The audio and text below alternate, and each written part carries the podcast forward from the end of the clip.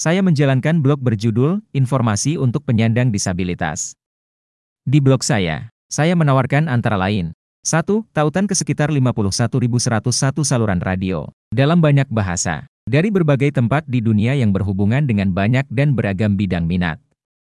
2. Tautan untuk menonton berita terkini dari jaringan penyiaran Inggris BBC. Dan semua ini tanpa batasan dan gratis. Salam. Asaf Benyamini